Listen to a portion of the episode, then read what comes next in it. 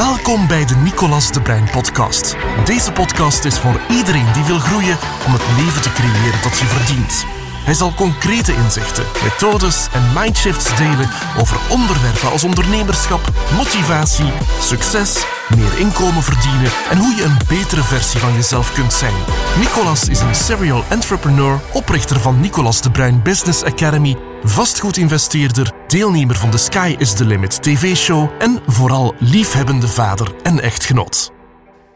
Hoe krijg ik een lening voor een vastgoedpand? Eerst en vooral, ga naar meerdere banken.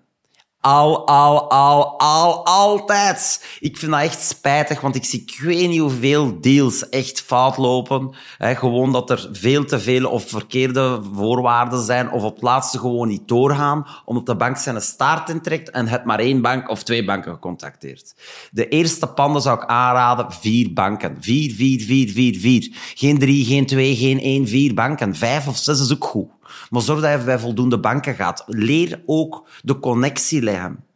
Dat je nadien hè, dat je, dat je een band opbouwt. En dat kun je alleen maar doen in ticht. Ga op visite, ga op bezoek. Hè, bespreek dat. Ik zie, ik wil dat doen, ik zou graag dat doen. Je krijgt ook input. Hè, want wat wil de bank doen? Haarzelf veiligstellen. Maar dat is voor je ook veilig. En hoe krijg je een goede lening? Ja, dat is door gewoon meerdere te krijgen. Dan kunnen ze vergelijken. Hou rekening met de kosten. Hou rekening met de wederbelegging die normaal gezien vaststaat nu, hè, als je de lening te vroeg terugbetaalt, want dat gebeurt meer dan dat je denkt. Hè, dus met de dossierkosten hè, en met de interestvoet. En dan op het laatste zijn er dikwijls nog extra facetten om mee rekening te houden. Wat ik belangrijk vind. Omdat ik graag een echt groot vermogen opbouw, dat is dat ik een lening krijg voor 20 jaar. Privé is dat gemakkelijker, kunnen zelf tot 25 gaan. Ik doe altijd 20. Hè. Maar zakelijk willen ze altijd duwen naar 15 jaar, 12 jaar of 10 jaar. Ik wil dat niet.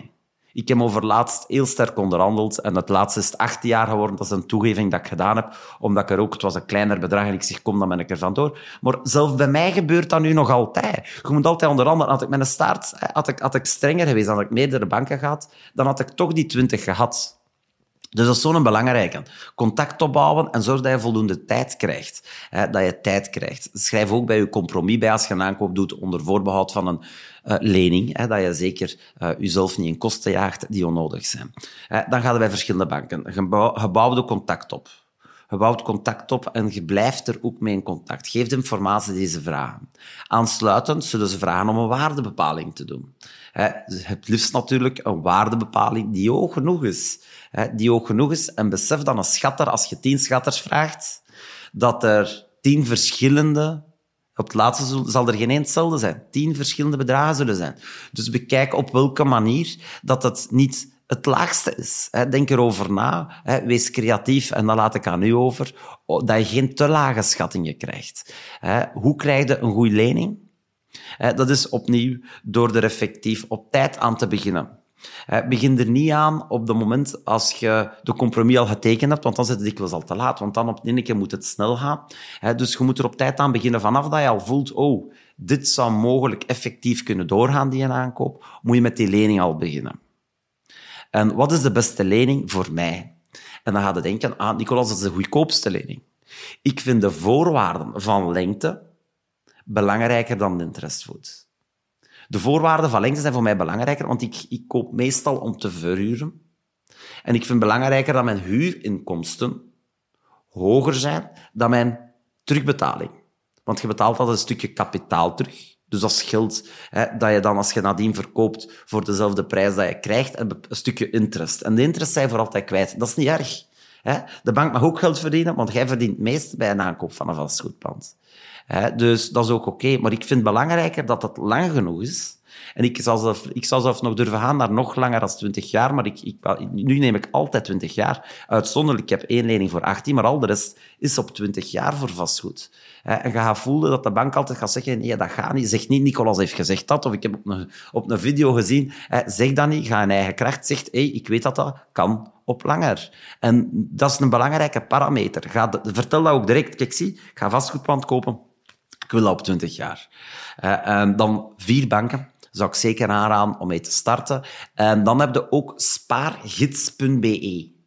Ik zelf ik ben ook ingeschreven hè, op ImmoWeb dat ik goede pand heb, maar ten tweede op spaargids.be. Ik krijg elke week of elke dag hè, ik krijg heel veel um, ja, gewoon mails binnen en dan weten de rente zo wat. En dan heb je ook nog de OLO dat je kunt opzoeken. Dat, is wat, dat, is, dat zijn cijfers voor de banken. Zoek maar een keer extra informatie op Google op. Ik ga er niet heel veel dieper op ingaan. Als je geïnteresseerd bent, ga er ook mee aan de slag. Eh, ik wens je veel succes met een goede dit is een partnership met je bank. Leg die in de watten, verzorg die. Verzorg die, zorg dat je mee overeenkomt. En zorg dat je ook mensen vindt waarmee dat je gemakkelijk overeenkomt. De banken waar ik mee samenwerk, na een tijd begin die persoonlijk te kennen, dat zijn zelf een stukje vrienden geworden. Dat zijn een stukje partners geworden, want zo hoort het ook. En ik heb gewoon mensen met wie ik minder overeenkom en ik werk er ook niet mee samen, want dat verloopt ook moeilijker.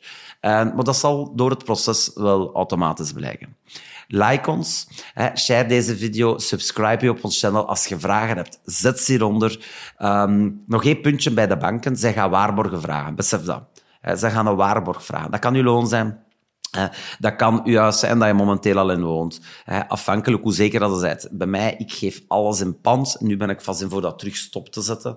Maar ik heb in het verleden al heel veel risico genomen. Let op, want als je het niet terugbetaalt, ze komen alles in beslag nemen. Ik zeg dat niet om je angst in te pallen, maar in die duizend kleine lettertjes, zorg dat je weet wat dat je tekent in je contract. Ga er effectief door. Ga je zoeken naar mensen, vragen die het al gedaan hebben. Hey, zeg, ik zie, hè, hoe hij ermee aan de slag gegaan? En vraag het gewoon rechtstreeks aan alle vier banken.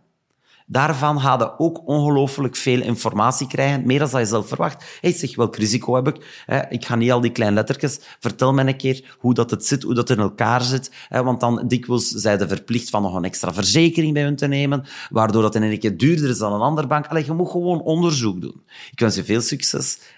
Like deze video, zet uw vragen hieronder. Dank u wel en tot snel. Bedankt voor het luisteren naar de Nicolas de Bruin podcast. Voor meer informatie, business tips, gratis trainingen en om meer te weten te komen over onze komende evenementen, bezoek www.ndba.be en volg Nicolas op Facebook, YouTube en Instagram.